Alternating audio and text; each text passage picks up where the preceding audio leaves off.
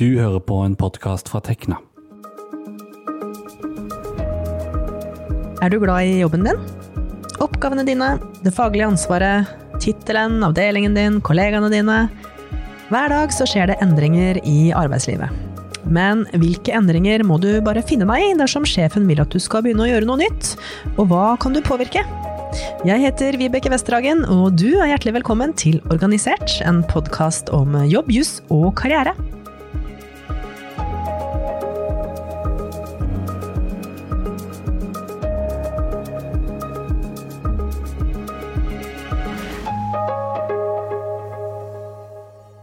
Jeg vet ikke med deg, men sjøl har jeg fått litt andre oppgaver nå i koronatiden enn vanlig. En del arbeidsoppgaver har falt bort en periode, og noe har kanskje endra seg og krever en litt annen kompetanse enn det jeg har. Men hva kan en arbeidsgiver endre på uten å spørre deg? Det skal Tekna-advokat Anne Katrine Hunstad få svare på, og litt seinere i sendinga skal jeg ringe til arbeidspsykolog Jan Martin Berge for å høre hvordan du personlig kan takle det å få jobben din mer eller mindre snudd på hodet. Men først så skal vi si hei til deg, Anne Katrine Hunstad, advokat og leder av juridisk avdeling i Tekna. Hei! Hei. Du, når er det en arbeidsgiver typisk gjør endringer på oppgavene til en ansatt? Jeg syns du beskrev det ganske godt eh, selv om akkurat situasjonen vi er inne i nå. Eh, arbeidslivet er liksom til stadighet eh, i endring, så det gjøres si, endringer hele tiden. Men jeg tror det er gjerne knyttet til omstillingsprosesser, nedbemanninger. Og sånn som du nevnte selv nå, koronasituasjonen, som har medført at noen har fått færre oppgaver, noen har fått andre oppgaver, og noen har kanskje fått mye mer å gjøre. Så det, endringer av oppgaver, det, det skjer. Eh, så kan det være at det ikke er den, sånne type prosesser, men det kan være at det er behov for å gjøre endringer i konkrete stillinger. Eh, vi ser f.eks. Mm, medlemmer som har vært i foreldrepermisjon, som kommer tilbake og finner ut at eh, oi, plutselig så var oppgavene borte. Det skjer endring i arbeidstiden eller i, på arbeidsstedet, at du får et nytt arbeidssted. Så dette er flere, ganske mange uh, muligheter her for at det skjer endringer. Mm. Men hva kan en arbeidsgiver endre på uten at man involverer den det gjelder, altså uten å spørre meg, liksom? Ja, Hvis jeg skal svare på det siste først, da, så vil jeg si at de alltid må involvere den ansatte, uansett hva, hva de gjør. Det, er, eh, det, tenker jeg ligger i, i bunn. Men det er noe sånn at arbeidsgiver har et handlingsrom. Eh, og dette handlingsrommet det, det, det er det vi jurister eh, ofte omtaler som arbeidsgivers styringsrett. Denne arbeidsgivers styringsrett det er ikke definert noe, står ikke, står ikke noe i noen arbeidsmiljølov om hva som er arbeidsgivers styringsrett. Så den er en sånn ulovfestet rett, men domstolene har omtalt den i en rekke dommer. Og, og, begrepet står for kan vi si, det er arbeidsgivers rett til å fordele arbeidsoppgaver. Eh, organisere arbeidet, det å lede arbeidet og kontrollere arbeidet. Og denne styringsretten vil da være liksom førende for hva arbeidsgiver kan eh, gjøre. Men styringsretten den er også begrenset. Den er innskrenket. Og den blir bl.a. innskrenket av lover sånn som arbeidsmiljøloven, som sier noe om at du har krav på en arbeidsavtale. Den sier noe om hva den arbeidsavtalen skal inneholde. Den sier noe om hva arbeidsgiver må gjøre hvis de tenker å gå til oppsigelse av deg. Altså arbeidsmiljøloven, som er en vernelov for arbeidstakere, regulerer en rekke forhold som arbeidsgiver må forholde seg til. Det, og andre lover vil være f.eks. likestilling og diskrimineringsloven, sånn som jeg nevnte tilfellet med, med de i foreldrepermisjon. Det der å komme tilbake fra foreldrepermisjon og se at arbeidsoppgavene er borte, det vil fort kunne være i strid med diskriminering og likestillingslovene. Fordi at du ikke skal diskrimineres fordi du er i foreldrepermisjon. Så det vil også begrense arbeidsgivers uh, handlingsrom. Uh, og, tillegg, og, Utover lovene så vil det jo også være kanskje tariffavtaler, altså avtaler som er inngått på arbeidsplassen mellom arbeidsgiver og de tillitsvalgte, som, som gjør begrenser handlingsrommet. Eh, men så vil det, eh, i forhold til det individuelle arbeidsforholdet, så vil særlig arbeidsavtalen være viktig. Hva står i arbeidsavtalen? Hva har arbeidsgiver bundet seg på i forhold til rettigheter og plikter, og som fremgår av arbeidsavtalen? Og Et sånt siste moment her er også at det er et sånt saklighetskrav. Altså selv om du arbeidsgiver har denne styringsretten, så, det, så må den, den, den, må utøves på et saklig det må være saklig grunn for å igangsette tiltak og endringer. Og det kreves også at arbeidsgiver har gjennomfører en form for saksbehandling. Altså dette her, som du nevnte om de bare liksom, hva kan de igangsette uten å, å, å. Å, eh, ta det opp med den ansatte, det, det, går ikke. Det forutsetter, altså En saksbehandler forutsetter at du snakker med de ansatte. Mm. Men denne styringsretten den, eh, den er begrensa av at de må, de må, forholde seg til kontrakten din, liksom. Det er liksom ikke altså Det er forskjell på kontrakter. Noen har jo veldig vide kontrakter, på en måte, hvor det ikke er så veldig spesifikt mm, beskrevet, kanskje, hva du ja. skal gjøre. Ja. ja. og det er helt riktig. Eh, en god del av den jobben vi gjør, det er faktisk å se på kontraktene til de som får, eh, får jobb eller får en ny jobb. Da anbefaler vi at de medlemmene våre sender inn kontrakten for at vi skal se på den. Og så er det ikke noe tvil om, og det har vi sett de senere årene, at arbeidsgiver og arbeidsgivers rådgivere er veldig ute etter å, gi råd om at kontrakten må være veldig generelle.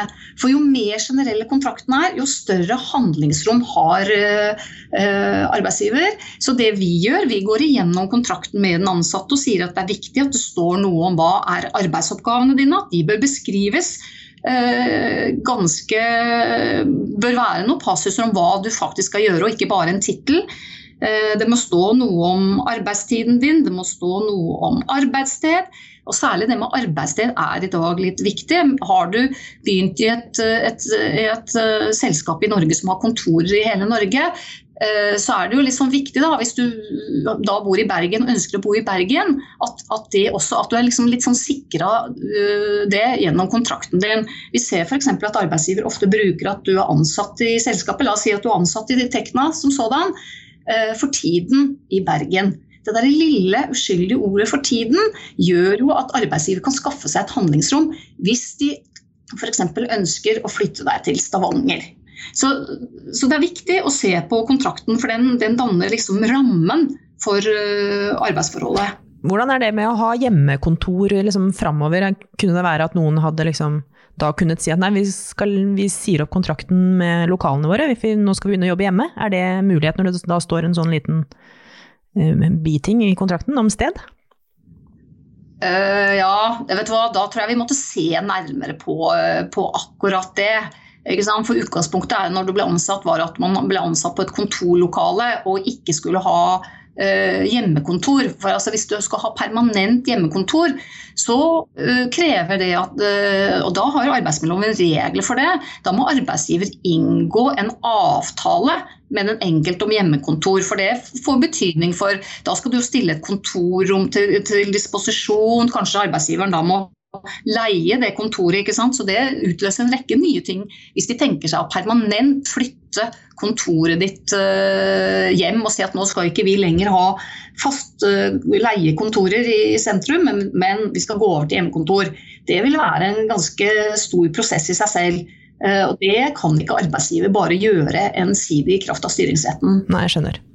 Men hva hvis arbeidsgiver da vil gjøre liksom større endringer, da, som faktisk eh, kanskje går så langt at du rett og slett ikke kjenner deg igjen i jobben din lenger? Hva, man, hva, hva skjer da? Er man fortsatt ja, innenfor styringsretten? Fordi, for det vi sier er at arbeidsgiver ikke kan gjøre vesentlige endringer i ditt arbeidsforhold. Ehm, og hvis de gjør vesentlige endringer i arbeidsforholdet, så må de enten bli enige med deg om det, og jeg tenker de mange i dag blir enige med arbeidsgiver om ok, jeg, jeg finner meg i nye oppgaver da, og jeg gjør sånn, og de blir enige. Ehm, blir man ikke enige, ehm, da må arbeidsgiver gi deg en såkalt endringsoppsigelse. Endringsoppsigelse står heller ikke noe i loven om endring, bruken av endringsoppsigelse, eller hva det er for noe. Men en endringsoppsigelse er i realiteten at du får en eh, ordinær oppsigelse med tilbud om nye oppgaver eller ny stilling. Ja, Det er ikke sånn at den blir lyst ut, liksom? Det er, det er bare du som får det tilbudet da? Ja, Ja. da er det bare du som får den stillingen, fordi arbeidsgiver ønsker å gjøre en vesentlig endring i, i stillingen din. Det hørtes litt skummelt ut. Er det, hva er det som står i en endringsoppsigelse? Er det da forslag til ny kontrakt? Ny stillingstittel og lønn og hele sulamitten? Ja, det, jo, det tilbudet som ligger ved, bør jo gi deg rettighetene. Men det som står, er jo at du sies opp fra den stillingen du har i dag. Eh, og da må du jo, si, må du jo ha alle de formaliakravene som stilles til en ordinær oppsigelse, må jo fremgå av den endringsoppsigelsen. Så den kan man i realiteten bestride. Men samtidig så skal du da få et tilbud om den nye stillingen. Men dette kan jo dere hjelpe medlemmer med, sant? Eh, som har Ja, det er, det er vår oppgave. At vi vil gå igjennom hvis du kommer i en sånn situasjon hvor arbeidsgiver eh, ønsker å gjøre vesentlige endringer i den stillingen du har i dag, så vil vi gå igjennom det og se på det. Mm. Men når, eh, hvis man har en tillitsvalgt, da? Veldig mange Tekna-medlemmer har jo en tillitsvalgt på jobben. Når bør de kobles på? Er det fra starten av, når de varsla om noe? Jeg tenker at de bør kobles om hvis det blir snakk om at arbeidsgiver innkaller deg til møter for nettopp å gjøre disse vesentlige endringene, så vil vi anbefale at du tar med deg en tillitsvalgt som er en bisitter og kan lytte til hva arbeidsgiver har å si, og hva som er bakgrunnen for at de ønsker å gjøre disse endringene. Hva er ditt råd til den som står overfor en, eh, en stillingsendring akkurat nå? Ja, altså for det første så tenker jeg Arbeidsgiver har nok en relativt stor eh, mulighet til å endre arbeidet ditt, så lenge det er eh, omtrent likt eller tilnærmet samme karakter som tidligere. Altså, og innenfor liksom kjerneområdet av eh, oppgavene dine. Så det jeg vil anbefale alle, er jo at du må sette deg ned så må du ta utgangspunkt i arbeidsforholdet ditt. Dvs. Si du må ta utgangspunkt i arbeidskontrakten din. Hva står det i den? Hva står det i den om de, de forholdene som arbeidsgiver nå ønsker å endre? Har du en stillingsinstruks? Har du hatt noen mailer eller andre som har vært med og, og som utfyller dette arbeidsforholdet? Og så må du sammenligne det med det arbeidsgiver nå ønsker at du skal gjøre, eller de endringene arbeidsgiver eh, ønsker å pålegge deg. Og se er dette en vesentlig endring. Så tenker jeg at naturligvis ikke arbeidsgiver selv har tatt initiativ til et møte, som de absolutt bør, og som jeg tenker er et, et krav. Men hvis ikke de gjør det, så må du be om et møte. eh, Gå i dialog og se om man kan bli enige. For det vil jeg råde de fleste til å se. Kan, kan dere enes om noe? Kan du bli enige? Eh, For det er jo en måte å, å, å gjøre disse endringene. Og hvis du ikke blir enig, men du sitter igjen og tenker dette er altså så både dramatisk og en så stor endring i mine oppgaver at dette kan jeg ikke akseptere, da vil jeg anbefale den enkelte da må du søke råd. Eh, Da sier vi til medlemmene da, må da må dere ta kontakt med oss, og så vil vi gå gjennom og se på helhetlig om dette er en såpass stor vesentlig endring som krever at arbeidsgiver igangsetter eh, endringsoppsigelse. Og så vil vi vurdere om den, om den i så fall er saklig. Så det blir en prosess, og det blir en, en, en konkret vurdering. Ja. Da har vi vært innom et par eh, litt sånn jussete termer i dag. Arbeidsgivers styringsrett har vi lært litt om, og endringsoppsigelse. Og så er da rådet at eh, man bør involvere tillitsvalgte hvis man begynner å bli innkalt til møter og sånn. Eller ta kontakt med juristene i Tekna hvis du er mellom der, eller i en annen fagforening hvis du er mellom der. Tusen takk til deg, Anne Katrine Hunstad, advokat i Tekna.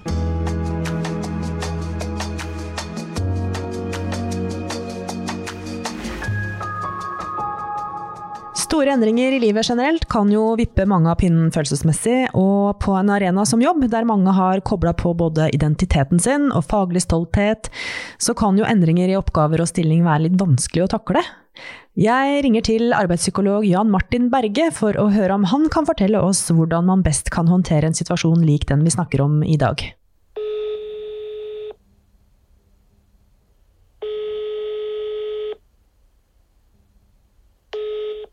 Hei, Jan Martin, hvordan går det? Hei, Vibeke. Det går ganske bra. Ja, så fint. Du, du er jo kjent med temaet som vi snakker om her i dag. Um, mange er jo veldig glad i jobben sin, og jeg lurer på hvordan kan man takle en stillingsendring på en god måte? Uten å bli for opprørt eller liksom ta det personlig, eller ja. Har du noen kommentar til det? Ja, Jeg har en kommentar til det, for det finnes jo mange måter å gjøre det på. Men jeg tenker at man blir opprørt over det. Det er jo ikke noe, jeg synes jo det må få, få lov, Folk må få lov til å bli opprørt over det. Eh, men når det er sagt, så, for det betyr jo bare at det betyr noe. Husk på her er det mennesker som har investert ganske mye tid, energi og mye av eh, hele sitt liv inni den eh, jobben og den identiteten man har bygd. Så, så jobb betyr veldig mye for veldig mange. Så først må jeg bare si at det, det, det forstår jeg. Eh, når det er sagt, så, så, er det sånn, at, sånn som vi ser nå, at, at ting endres. Og, og, og arbeidsgiver har selvfølgelig eh, lov til å, å, gjøre endringer der, og at det er pliktig til å gjøre det også. Men vi ser jo det at gode ledere de klarer å få til disse endringene på en måte som gjør at de ansatte føler at de blir mindre frustrert enn andre som kanskje ikke klarer å, å få det til. Og Det er jeg nysgjerrig på. Hva er det disse gode lederne klarer å få til. Mm. Har du noen teori, eller? Eh, jeg har noen teorier. for Det, eh, det var faktisk når jeg jobba i Nav, så var det folk som, som tok imot uh, brukere som hadde søkt på uføretrygd og fikk avslag, men gikk ut fra Nav-kontoret med smil. ja. Og da tenkte jeg sånn, Hva er det som gjør at disse saksbehandlerne Hva er det de har sagt dem? Ja. Og Det handler om grunnleggende mellommenneskelige ferdigheter. Så hvis en leder tar seg tid til å, å forklare for Ansatte lurer på Hvorfor skjer den endringa her nå? Hva har det her å si for oss som avdeling? Hva har det her å si for meg? Får man ikke informasjon, hvor går man da? Går man til Nav? Det var en gjeng som sa at ja, da går du til Nav. Ja, Men før du går til Nav, da? Nei, da går du opp til fantasilivet. Og Da begynner du å fabulere og, du å, og så snakker du med andre på jobb som også har fantasiliv. Og Da kan man være mer eller mindre på viddene. Slik at Gode ledere er sånn kaosstøtdempere. De forteller hvorfor de gjør det de gjør. Det, det er sånn sense of urgency ofte, som kanskje lederne har bedre forutsetninger for å forstå enn ansatte. Så Det ansatte trenger å få god informasjon. Og Det er ikke én gang for alle, det er jevn informasjon. Å være mer transparent tror jeg man er tjent med, slik at folk forstår hva er det situasjonen vi står at vi har en situasjonsforståelse. Så tror jeg også at man må som, uh, tør å snakke med de ansatte om dette eh, flere ganger. Ikke være redd for å snakke med folk. For dem som, har, som, blir mest frustrert, det er jo kanskje dem som har gitt mest av seg sjøl, også i den jobben som har investert mye i. Og, og det må jeg få lov til å være. Jeg synes det, det, er mange forskjellige reaksjoner her, og det syns jeg folk må få lov til å ha. Men, men, det er så viktig hvordan de blir møtt på det. Og da tar jeg frem ledelse her da, som et eksempel. Men hva skal man gjøre sjøl, da? Hvis man ikke har en veldig god leder, f.eks.? Da tenker jeg at Man kan tenke litt over hvilke forventninger har du til arbeidslivet anno eh, mai-juni 2020. Hvilke forventninger har du? Hvis du tror at du kan få sitte og gjøre det du gjør resten av ditt yrkesliv, hvis du tror det, da kommer du til å få det tøft. Mm. Hvis du er åpen for at livet er et usikkert prosjekt, også arbeidslivet, da vil du ha litt mer forutsetning for å kunne stå i det litt bedre, fordi du forventer at livet er litt usikkert. Så still deg selv spørsmålet hvilken holdning har jeg til min egen arbeidsplass og arbeidsoppgaver og rolle? Tror du at du kan få gjøre det her i det er veldig få som, som Får man gullklokke? Altså, er det sånn at man skal være 25 år på samme plassen sin? Får man sitte og gjøre det samme? Det er jo det vi ser nå. Vi har jo blitt hyperdigitalisert på to måneder. Eh, de som virkelig syns det blir veldig vanskelig, de får det jo enda tøffere. Så, så, Det handler mye om forventning. og Hvis du tegner en firkant når du har besøk av advokaten, når hun snakker, så kan dere se for dere at hun tegner en firkant, og inni der så står det arbeidsmiljøloven. Inni der det er påregnelighet, det må vi forvente. Ja, styrings, styringsrett. Det har ja, det er innafor den firkanten. Men, men, men, man må tenke selv som medarbeider òg. Innafor der så kan jeg også medvirke at man må også være litt bevisst sine egne holdninger. Fordi det vil styre litt hva du kan forvente. Når jeg snakker om den loven, så er det sånn utenfor den firkanten, da bryter man eh, med arbeidsmiljøloven. ikke sant? Mens innenfor da er man, det, det påregnelig. Det her må, at du må endre arbeidsoppgaven nå, det, det har arbeidsgiver lov til. Så jussen er ofte på plass. Jussen, det, er ikke, altså det er ofte på plass. Det er jo mer det mellommenneskelige som blir vanskelig her. ikke sant? Så Det er derfor det, det er disse mellommenneskelige temaene som jeg er opptatt av, som, som, er så viktig at vi kan styrke lederne, men også ansvarliggjøre de ansatte litt. Ja. Så det, du, det, rådet ditt er at det er, det er lov å være opprørt. Og det, det, man kan tenke på er at man må jobbe med egne holdninger, og så må man ønske seg en god sjef. Ønskes, ja. Og kanskje du skal spille sjefen din god òg. Hvis du, hvis du, kjenner at du er irritert, ja, kanskje ikke du skal snakke med kollegaene dine om at du er så utrolig sur. Kanskje du skal heller snakke med lederen og si vet du hva, nå ble jeg skuffa. Og så snakk med lederen og spill lederen god, for det er ikke alltid lederen vet hva du tenker og føler. Og, og Hvis vi tenker litt sånn helt på slutten her, da, hva som er en sykefraværsårsak i Norge i dag, så er det rollestress. Det er når det er uforenlige krav til deg. Altså, Vibeke, du gjør den jobben du gjør nå, ja, men det liker jeg godt. Ja, men du har jo mange andre ting du skal gjøre òg. Ja, men det er uforenlig, jeg klarer ikke altså, det, Ja, ja, jeg får bare gjøre det, da, sier du. Jeg får bare gjøre det, da. Over tid så er det ikke noe bra. Slik at hvis vi klarer å, å få eh, eh, litt mindre uklarhet til rollen min, hvis du vet litt hva som forventes av deg, så er det større sjanse for at du, du, eh, kommer til å holde deg i jobb og synes faktisk det er ålreit. Så, så, så, kanskje vi kan tilstrebe litt sånn uh, rolleklarhet, at vi kan vise litt hva som er forventa. Ja, og da må man prate sammen. Man må det, rett og slett. Mm -hmm. Tusen takk til deg. Ofte, og, og ja, takk. tusen takk til deg, psykolog Jan Martin Berge. Og tusen takk til deg som hørte på. Denne podkasten er ment å være nyttig for deg. Hvis du ikke syns vi treffer helt, så fortell oss veldig gjerne det. Og hvis du mener eh, at det er noe bestemt som vi bør ta opp, så vil vi gjerne, veldig gjerne ha tips. Uansett, så send oss en e-post til podkastkrøllalfatekna.no. Vi høres! Dette har vært en podkast fra Tekna, en fagforening for deg med mastergrad i naturvitenskap, realfag eller teknologi. Les mer om oss på tekna.no. Programleder var Vibeke Westhagen, og teknisk ansvarlig var meg, Andreas Kili Grenasberg.